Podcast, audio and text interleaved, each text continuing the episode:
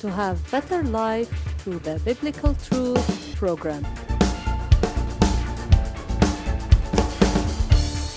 The title of today's Biblical Truth Forgiveness that takes you from prison to the palace. The story of Joseph is one of the amazing stories because Joseph was a dedicated person to God first and to his father, and he obeyed him. He lived a life of purity with the wife of Potiphar, and with that he was oppressed and he was imprisoned for years. But the grace of God triumphed and became apparent when Joseph went from prison to the palace. Today's biblical truth reveals to us and assures us with forgiveness no matter how oppressed you are. God's rewards await you. No matter how long it takes, because God is faithful and has sufficient grace for all of us. Joseph was wronged by his brothers, and they threw him into the pit and then sold him to the Ishmaelites. And they sold him to Potiphar.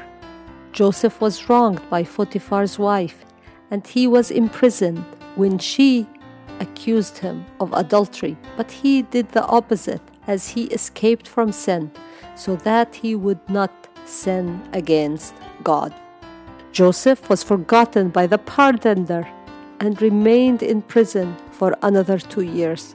But when the time of heaven came, the bartender remembered Joseph, and he interpreted Pharaoh's dream.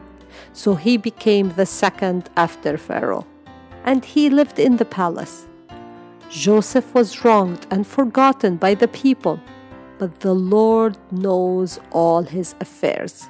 If Joseph had gone out of prison two years before, he would have worked as a slave as he was. But heaven's plan was for him to be in the palace in order to be a cause of salvation for Jacob and his children in the time of famine.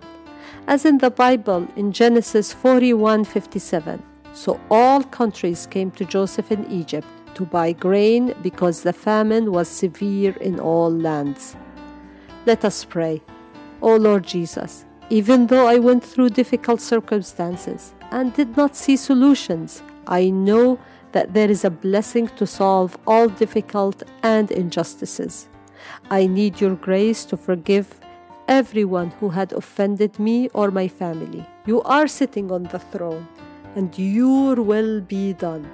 Thank you, Lord, for hearing me and responding to my prayers. In the name of the Lord Jesus Christ, amen and amen. May the Lord bless you in a new episode of the Biblical Truth program.